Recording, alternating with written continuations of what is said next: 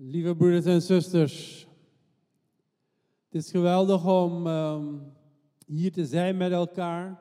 Het is geweldig om in die worship, vanuit die worship, te gaan naar het woord van God. En de komende zeven weken of zes weken ben ik bezig met de thematiek van de bergen in ons leven. En ik wil u vragen om voor uzelf twee typen bergen te identificeren, misschien zelfs drie. Eén type is dat waar u moet klimmen en daar waarvan u weet dat de Heer wil dat u dat beklimt en dat u zegt van oké, dat, dat kan ik en daar zal zegen in zitten.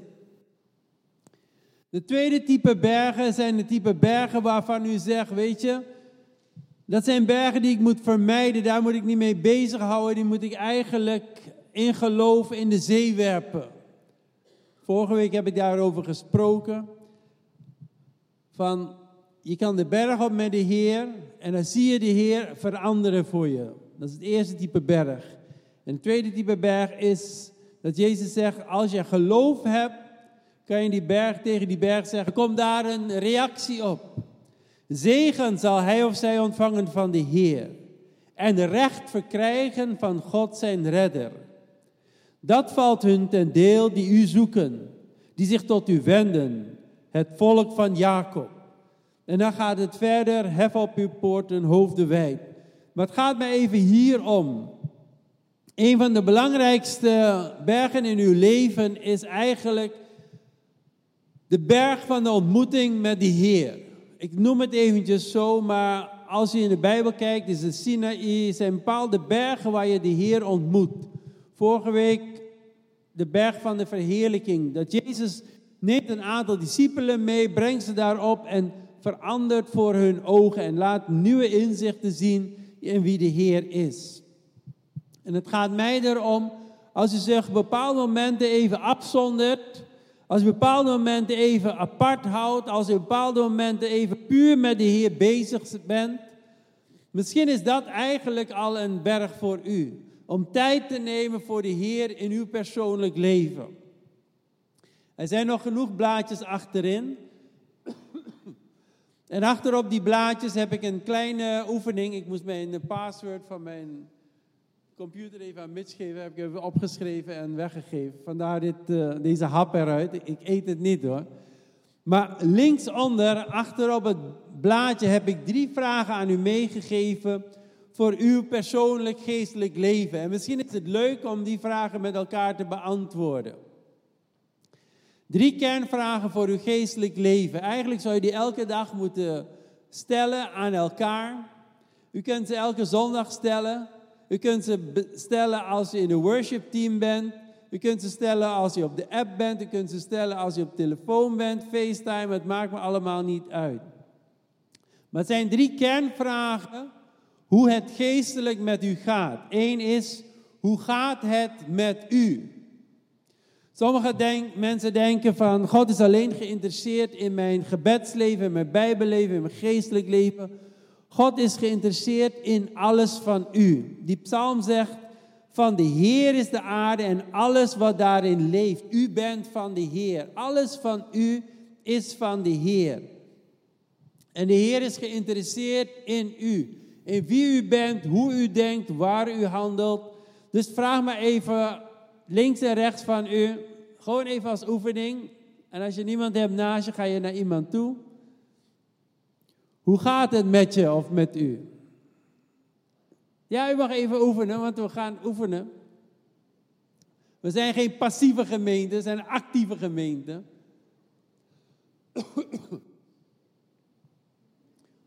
Hoe gaat het? Hoe gaat het met je? Hoe gaat het met u? Zou het niet fantastisch zijn als u elke zondag, als u hier komt, dat mensen niet zomaar langs u heen lopen? Dat gebeurt volgens mij hier ook niet. Maar dat ze echt aan u vragen, hoe gaat het met je? En dat u dan niet een standaard antwoord geeft, maar dat u echt het gesprek aangaat. En zegt, dit is, gaat er nu om in mijn leven. De tweede vraag is, en u kunt het direct stellen hierna. Hoe gaat het met uw Bijbel? Of met uw Bijbel lezen? Geestelijk leven ontwikkelt zich vanuit Bijbellezen en vooral reflectie op wat de Bijbel u geeft. Dus die preek van vandaag, die ontwikkelt zich het beste in uw leven. Niet doordat u alleen Psalm 24 meeneemt, maar dat u daar ook over gaat reflecteren. Wie mag de berg van de Heer bestijgen? Mag ik die berg van de Heer bestijgen? Ik kom daar zo op. Maar even voor uzelf, onderling. Hoe gaat het met uw Bijbel? Ziet u hem nog? Hoe gaat het met uw Bijbel lezen? Beantwoord die vraag maar.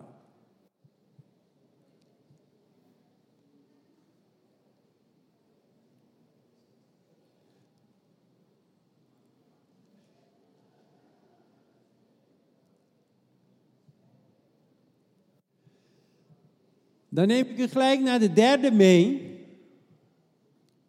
Hoe gaat het met uw gebedsleven? Weet je, sommige mensen hebben een gebedsleven dat ze niet bezig zijn met de Heer totdat ze in de nood zijn. Heer, help, help, help, help. Ze komen eruit en ze gaan weer verder zonder de Heer. En zitten weer in de nood. Eh, Heer, help, help, help, help. En dan gaan ze weer verder zonder de Heer. Het is net als dat je met iemand samenwoont, samenleeft. En alleen als je iets nodig hebt van die persoon, ga je naar die persoon, ik wil dat hebben. Dat is geen manier, het is een manier, want het wordt gebruikt, maar het is geen gezonde geestelijke manier van leven. Hoe is het met uw gebedsleven? Stel die vraag maar.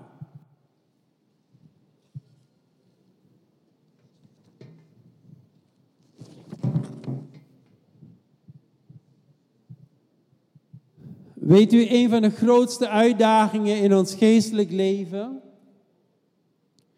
is dat wij iemand vinden, of twee of drie mensen, of misschien meer, maar twee of drie mensen, en dat heeft u zelf in de hand, waarmee u zegt van hé, hey, laten wij met elkaar ons scherp houden in ons geestelijk leven. Laten we echt praten van hoe gaat het? En als we weten hoe het gaat, laten we daarop reageren. En als we dat weten, laten we de Bijbel openslaan. Laten we het woord van God ons laten doordringen. En laten we dat delen met elkaar. En laten we niet alleen delen met elkaar het woord van God, maar laten we ons ook voor elkaar bidden en in gebed opdragen. En als u zulke relaties heeft met broeders en zusters in de gemeente of in uw gezin of in uw familie of buiten de gemeente, heeft u een gezonde geestelijke basis om dagelijks met de Heer bezig te zijn. In Engels noemen ze accountability. Is dat je een stukje verantwoordelijkheid naar elkaar toe hebt. Maar dat je ook tegen elkaar zegt, dit is wat ik heb gedaan in mijn geestelijk leven. Weet u, die tekst van vandaag, wie mag de berg van de Heer bestijgen, gaat om de berg in Jeruzalem, de berg die eigenlijk niet belangrijk was, de berg die eigenlijk niet interessant was, de berg die misschien meer een heuvel is dan een berg, de berg die Israël niet heeft geïmponeerd, voorbij is gelopen. En ze hadden de tabernakel in Silo gezet. Maar uiteindelijk koos de Heer de berg Sion in Jeruzalem om daar zijn tempel te bouwen. En daar tussen haakjes te gaan wonen. Wij weten nu, de Heer woont in ons hart, maar men ging er vroeger vanuit, de Heer woont in die tempel. En daarom was dit een belangrijke vraag.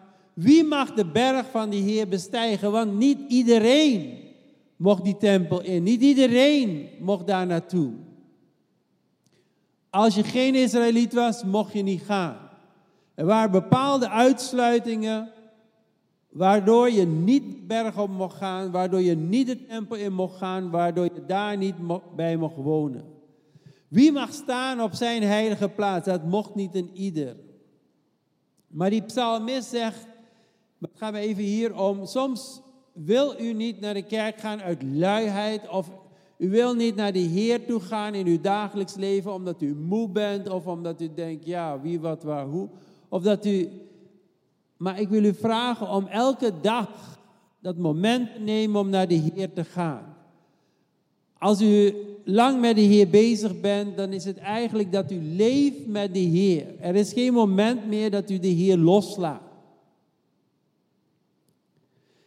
Hoort u dat? Als je op een gegeven moment met de Heer wandelt, langere tijd, is het niet dat je naar de Heer toe moet gaan. Het is eigenlijk dat je ziet, de Heer is altijd met men. Overal waar je bent, ben je met de Heer. Hoor je een ambulance, ga je bidden, Heer, help de mensen. Help degene waar het om gaat. Hoor je iets problematisch, breng je het voor de Heer. Je gaat niet cynisch worden in je hart, je gaat niet hard worden in je hart. Je brengt het voor de Heer. Ja? Wie mag naar de Heer gaan? U mag allen naar de Heer toe gaan. Wij allen hebben een open verbinding met de Heer. En die open verbinding mogen we dagelijks gebruiken op elk moment. Wie mag staan op de heilige plaats? En soms ervaar je toch van, hé, hey, iets is niet helemaal zuiver in mijn leven. En ik mis iets van Gods aanwezigheid. Misschien is vers 4 dan voor u. Heeft u reine handen? Bent u zuiver bezig? Heeft u een zuiver hart? Laat u zich niet in met leugens. Gaat u niet bedriegelijk om met deze of gene. Weet je, die zuiverheid van de Heer, die zuiverheid in de Heer, die zuiverheid naar de Heer toe, is essentieel voor een gezond geestelijk leven. Toen we deze gemeente begonnen, heb ik gezegd: luister, achter de schermen moet hetzelfde zijn als voor de schermen. De liefde van God moet achter de schermen zijn, moet in de gemeente ervaarbaar zijn. Dat is wat wij als zuivere gemeente voor de Heer hebben. Wij zijn niet zuiver omdat wij zuiver zijn. We zijn zuiver doordat de Heer Jezus in ons leven werkt. En u ervaart soms, ik weet niet hoe u die geestelijke vraag hebt ervaren. Hoe gaat het met u? Hoe gaat het geestelijk met u? U ervaart soms een blokkade in uw geestelijk leven. En dat kan en dat is niet verkeerd. Dat hoort erbij. Het kan zijn dat die blokkade een nepblokkade is.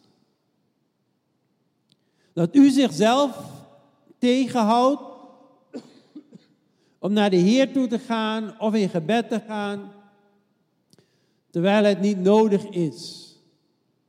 Het is goed om met iemand daarover te praten, wat die blokkade is.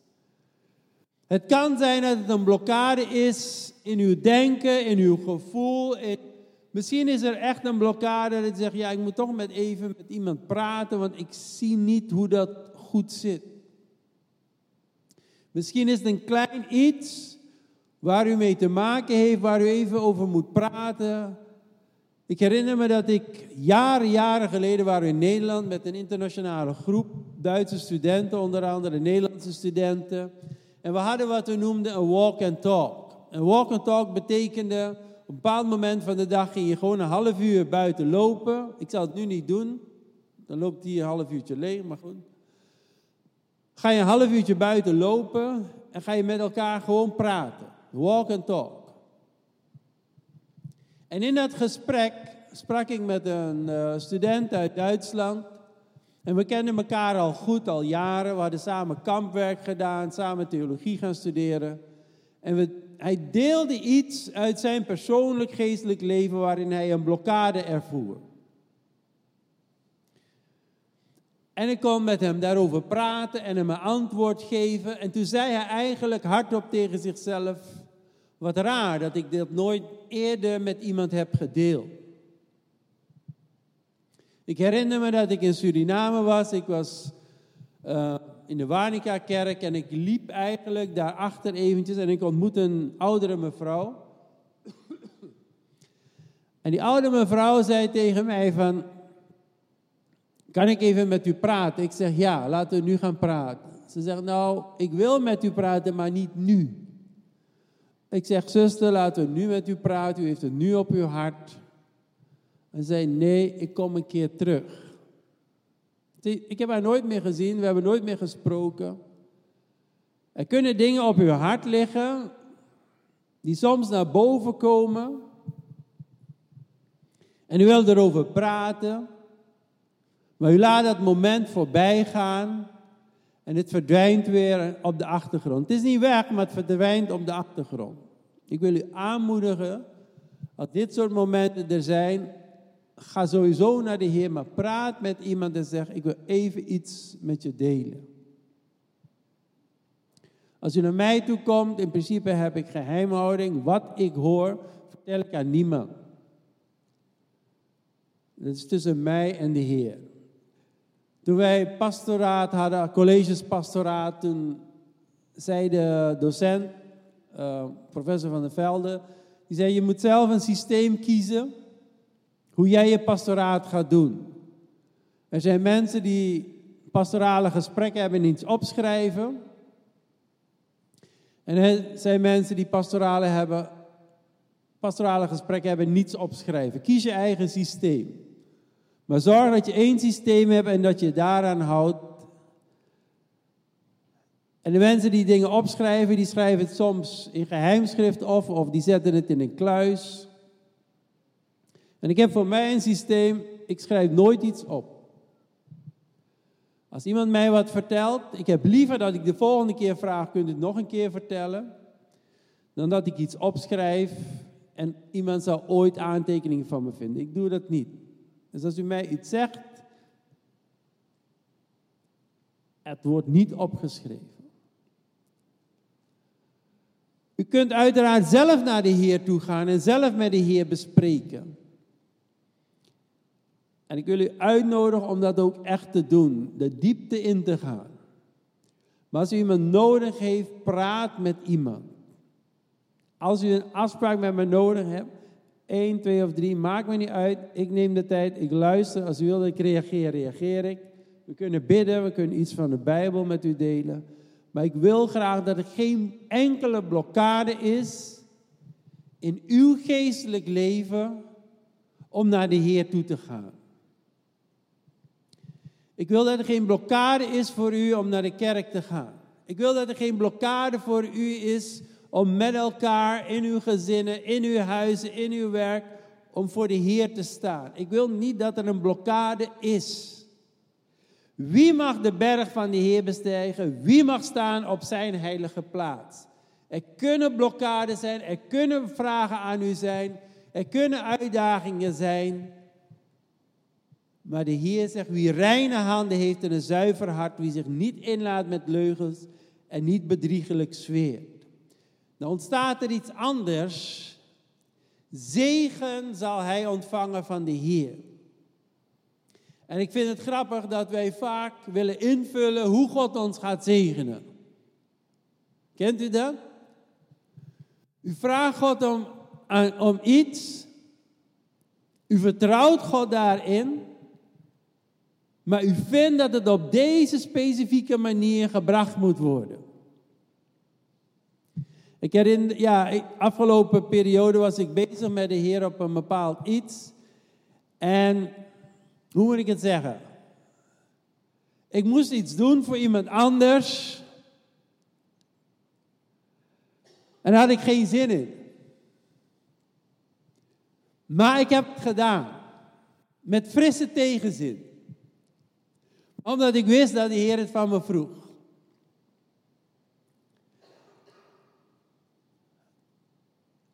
Ik wil even nog beschrijven hoe dat ging. Soms heb je het gevoel, ik doe nu iets, bam. En een dag later denkt u, had ik dat wel zo moeten doen? Dus je doet iets voor een ander. En dan denk je, hmm, was dat wel wijs? En je komt erop terug. En je gaat eigenlijk naar het spontane moment, naar het goede moment waar iemand echt wat aan heeft gehad. Ga je nadenken, hmm, had ik het niet anders moeten doen? Had ik het niet moeten helpen? Weet je, zo kan je in het leven staan. Wat er ook is gebeurd, ik had een beetje frisse tegenzin op een gegeven moment. En afgelopen week was ik met de Heer daar nog steeds mee bezig. Van iets van een maand of twee geleden. En toen liet de Heer mij zien, Rens, jij hebt iets voor iemand gedaan en jij verwacht het van die persoon terug. Maar die persoon heeft het jou niet teruggegeven. Maar als jij gaat kijken, dan ga je zien dat ik jou heb gegeven en ik jou heb gezegend, niet alleen door één persoon, maar door twee, door drie, door vier, door vijf, door zes mensen. En dat wat jij gaf, wat jij meer hebt teruggegaf dan jij gaf. Zegen zult u ontvangen van de Heer. En misschien ontsnapt, of hoe moet ik zeggen, misschien heeft u een bepaalde zegen van de Heer ontvangen. En u ziet die zegen helemaal niet. Omdat u dit van de Heer verwachtte. Ik wil echt even dat u loslaat hoe God u zegent, wanneer Hij zegent en welke zegen Hij geeft. Misschien bent u vandaag naar de kerk toegekomen en zegt u van, Heer, ik wil een zegen van u ontvangen. En u verwacht dat het in de worship lag. En het lag niet in de worship. En u dacht, het zit in de preek. En u denkt, nee, het zit niet in de preek. En u dacht, zit in een gebed. Nee, het zit niet in een gebed. En u denkt dat het ergens anders in zit. Maar ik kan u uit eigen overtuiging vertellen dat als ik naar de kerk ga en ik verwacht iets van de Heer, dat de Heer altijd antwoordt. Hij antwoordt misschien niet op de manier waarop ik het verwacht en wat ik wil, maar God antwoordt mij altijd als ik met verwachting naar de kerk ga. En het even heel praktisch maakt me niet uit welke kerk. Of het deze gemeente is, een andere gemeente, het maakt me helemaal niet uit.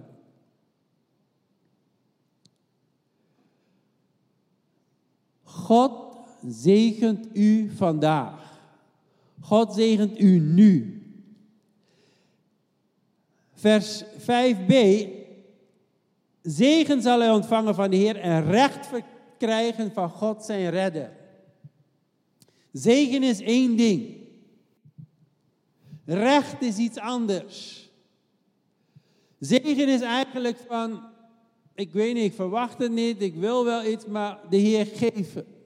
Recht is iets anders. Recht is eigenlijk van, hier is onrecht geschied.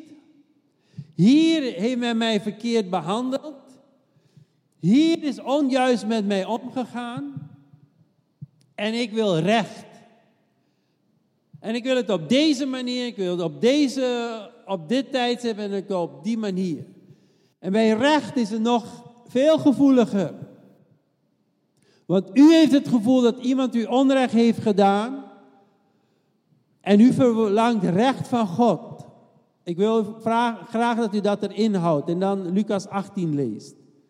Versen 1 tot en met 7. Wie het niet weet. Daar wordt eigenlijk wordt het verhaal verteld van een weduwe die recht verwacht. Maar de rechter had nergens en niemand interesse, geloofde niet in God, geloofde niet in zijn medemens, was een heel vervelende rechter en die zou haar geen recht verschaffen. Lees het maar, Lucas 18. Maar als u recht verwacht van God, ik heb het niet over recht vanuit de rechter of in een juridische kwestie, maar als u recht verwacht van God, let erop dat God ook met u gaat dealen op dingen die u fout hebt gedaan. Jij wil recht, maar doe jij recht? Doe jij het juiste? En daar is niks mis mee, want de Heer gaat u helpen om het juist te doen. Maar niet alleen dat, Hij gaat u recht verschaffen. Maar nogmaals, net als met de zegen, u verwacht op een bepaalde manier dat u recht wordt gedaan. Maar in de Heer wordt dat even, ik zeg het even kort door de bocht, wordt het op een andere manier gedaan. Hoort u wat ik zeg? Ik zal een heel, uh, heel raar voorbeeld geven misschien. U bent ontslagen door bedrijf A, B, C, D, whatever. En u verwacht van de Heer dat bedrijf A, B, C, D zijn excuses aanbiedt en u weer, en u weer neemt. aanneemt. En u gaat misschien rechtszaak in, rechtszaak uit. Maar als u recht verwacht van de Heer, wil ik u vragen om dit los te laten. Omdat u kent een bepaald gebed wel. Onze Vader die in de hemel zijt, uw naam wordt heilig. En in dat gebed staat er iets. Vergeef mij mijn schulden. Dan kom ik met een rein hart, met een rein geweten op uw heilige berg. Zie ik u, ontvang ik zegen van u, ontvang ik recht van u. En in dat, in dat gebed leert Jezus aan zijn discipelen: vergeef mij mijn schulden, zoals ik mijn schuldenaars vergeef. Dat zit in dat gebed. Dat is geen toelichting. Het zit in dat gebed. Dus het moment dat u in gebed voor de Heer gaat, komt er altijd iets dat de Heer zegt: laat los wat een ander verkeerd heeft gedaan. En ik zal jou compenseren. En ik zal jou geven wat je nodig hebt. Maar dat komt 99 keer op een andere manier, op een andere wijze.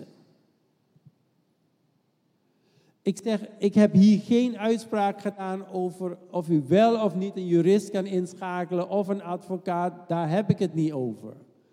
Doe wat u moet doen op die dossiers, daar zijn de instituten voor. Maar het gaat mij erom dat u als christen als geestelijke, als u Psalm 24, vers 5b leest en recht verkrijgen van God zijn redder. Heer, ik ben naar u toe gegaan. Ik ben zuiver bezig. En nu wil ik recht dat u niet van de Heer, even ik zeg het, ik kan met me in discussie gaan. Niet van de Heer verwacht dat u het precies op dezelfde manier krijgt. Zoals u denkt. Maar dat God u geeft wat u nodig hebt, wanneer u het nodig heeft, hoe u het nodig heeft.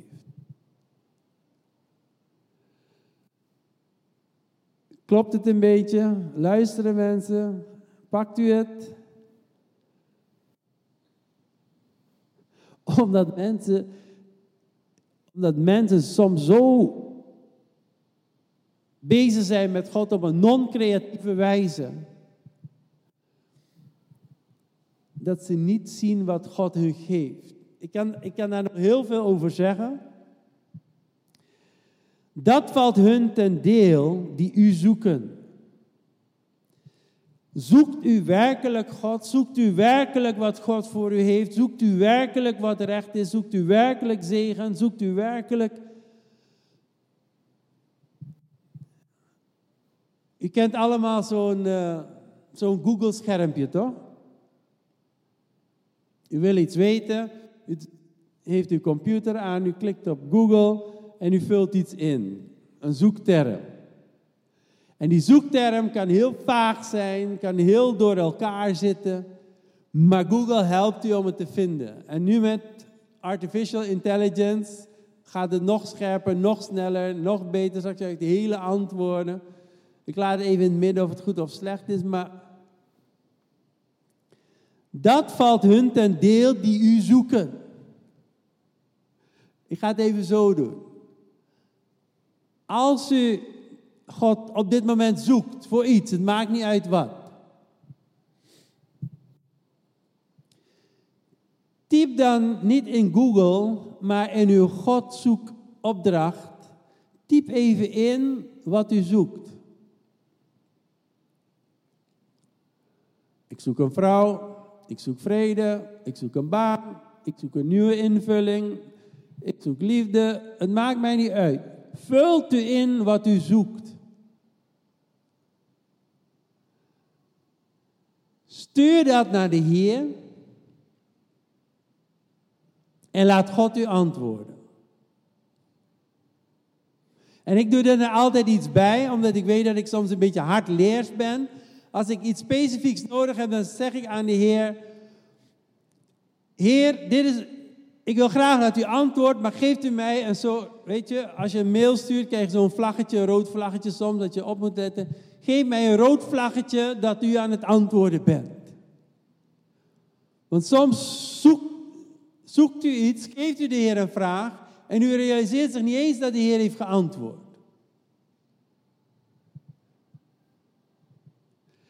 Ehm, iemand die ik niet mag noemen in de, in de diensten meer. Die is soms op een bijzondere manier tot hulp voor mij. Want soms vraag ik aan de Heer, Heer, ik heb, ik snap dit niet, of ik weet niet hoe dit zit, of wat moet ik doen? En dan loop ik door mijn huis en dan kom ik iemand tegen die ik niet mag noemen. En die persoon kan heel duidelijk zijn, kan heel ja, duidelijk. Ik ervaar het soms als hard, maar de persoon zegt nee, het is niet hard, het is gewoon duidelijk. En die stelt dan bijvoorbeeld een vraag van, heb je die en die al gebeld? Heb je dit en dit al gedaan? Bam, bam, bam. En dan krijg ik zo een lijstje van, die, niet die persoon, maar van die Heer. Ja, snapt u hem? Ik zoek God. Ik loop door mijn huis. En iemand geeft me nog net niet een bakker in de klap. En ik moet iets doen. Als u God zoekt, gaat Hij u antwoorden. U gaat Hem vinden. Ik wil even meenemen het zoeken van moeder Teresa naar God. U realiseert zich misschien niet wie moeder Teresa was. Maar moeder Teresa kwam uit Albanië. En Albanië was het eerste land ter wereld die zegt wij zijn volkomen atheïstisch. God bestaat niet. Je mocht het woord God niet noemen in Albanië. Er is nu zendingswerk daar, er zijn nu nieuwe ontwikkelingen. Maar zij kwam uit zo'n land in het krachtenveld van het communisme, toen het communisme op een piek was. En zij zocht God. Juist in een land waar het niet mocht. En zij belandde in de zending. En zij ging naar India, naar de zending, en ze had een hart voor jonge mensen. En ze was een juf voor jonge meisjes en dat ging perfect. Maar toen gebeurde er iets. Elke keer als zij naar school ging, zag ze op straat dat er mensen daar lagen. En zij ontdekte dat het gewoon mensen waren die aan het sterven waren. En zij verbaasde zich daarover en die dacht van, hoe kan dat? Waar is de familie? Wat kunnen we doen? En zij vroeg ontheffing van de orde waar ze was, van haar bisschop om het schoolwerk los te laten en voor de mensen te gaan zorgen die stervende waren. En het enige wat ze voor zich zag is ik neem ze mee, ik zorg voor ze en ze sterven met iemand naast zich. That's all. Niet meer, niet minder. En de bisschop heeft er een jaar over gedaan om haar te snappen haar die vrijstelling te geven en te zeggen, ga maar. En in het Engels zeggen ze, the rest is history. Weet u, als u God zoekt, ik zeg het even heel plat, gaat u misschien een mens vinden die op straat aan het doodgaan is. En u gaat iets voor die persoon doen. Want als u God zoekt, zal hij u vinden, zult u hem vinden en zult u fantastische dingen doen. Vers 6, dan valt hun ten deel die u zoeken, dat valt hun ten deel, die zegen en het recht, die zich tot u wenden, het volk van Jacob. En ik hou van het laatste stukje, het volk van Jacob. Weet u, wij hebben als personen, als gezinnen, als families niet alleen uitdagingen. We hebben het misschien in onze carrière op financieel gebied, op geestelijk gebied, op sportgebied, op lichamelijk gebied, op mentaal gebied. Maakt niet uit wat die heuvels zijn, die uitdagingen zijn. Maar we hebben het niet alleen persoonlijk, maar we hebben het ook als gemeente. Ik heb vanochtend een foto genomen, terwijl ik daar stond, van ons praise and worship team. Ik heb de jongens vanochtend gezegd, ze kwamen binnenlopen, die de hele zomer praise and worship hebben gedaan en muziek. Ik zeg, ik ben trots op jullie. En als ik niet heb gezegd, ik ben dankbaar, want jullie hebben het werk voortgezet. Ik nam een foto, want terwijl we weg waren, zijn er nog twee mensen bijgekomen. Welkom. En ik heb tegen ze gezegd, ik ken jullie nog niet. Maar als zij jullie kennen en jullie vertrouwen, dan vertrouw ik jullie ook. Ga vrolijk verder in de worship. En als jullie zover zijn, ga ik even met jullie praten. En volgens mij voelen jullie al thuis, toch? Oké, maar we gaan jullie volgende week voorstellen als je wil. Maar wij hebben als kerk uitdaging gehad vanaf het eerste moment dat we die gemeente begonnen. Wij konden alles, behalve de muziek op het niveau brengen wat we wilden. Toen heb ik gezegd, ik moet iemand hebben. Ik heb iemand gevraagd, de Marlon is gekomen en sindsdien is de praise and worship alleen maar beter en beter geworden. En men doet het met plezier, men doet het met toewijding, men doet het niet zozeer voor u, ook voor u, maar voor de Heer. En als men voor de Heer in de praise and worship is, dan is het ook voor u en geniet u. En ik kan u één ding zeggen, en die persoon mag ik nu wel noemen. Mijn vrouw en ik waren op vakantie. En overal waar we gingen, zeiden we eigenlijk na de dienst: Wij houden van onze praise and worship in onze gemeente. En een van de zusters die amen zei, is een van degenen die met ons heeft gebeden voor dit team. Wij als gemeente hebben uitdagingen. Ik ga ze nu niet aan u voorleggen. Maar een van de uitdagingen die wij hadden was praise and worship. We hebben gebeden en de Heer heeft geantwoord. En ik wil even laten iets aparts. Meestal, voordat we iemand hier op het podium zetten, willen we ze leren kennen, weten wat ze zijn, wat ze doen, muzikaal, getoetst, etc. Maar op een of andere manier, ik weet nog steeds niet hoe het ging, waren Patrick, Dylan, Anthony en Robert op het podium voordat ik ze leerde kennen. En het voegde goed en het ging goed. Toen heb ik afspraak met ze gemaakt. En toen zag ik, hé, hey, groene vlag, gewoon rustig verder laten gaan. Maar de Heer antwoordt soms anders dan jij denkt. Jij hebt een bepaalde structuur, zo moet het gaan, maar de Heer zet ze op het podium voordat die structuur is gevuld. Zullen we gaan staan en naar de Heer toe gaan en zeggen: Heer, u kent mijn leven, u kent mijn Bijbellezen, u kent mijn gebedsleven, u kent de weg die ik naar u toe wil gaan, u weet wat in mijn leven speelt, de problemen die ik heb. De uitdagingen die ik heb waar ik niet aan moet, toe, aan moet toegeven. De uitdagingen die ik heb waar ik wel in moet stappen. De bergen die ik heb die ik moet beklimmen. Misschien is het mijn studie, misschien is het mijn relatie, misschien is het op een nieuwe manier met de Heer bezig zijn of met mijn bediening. Heer, u laat ons zien dat wij tot u kunnen komen. U laat ons zien, Heer, dat wij tot u kunnen gaan.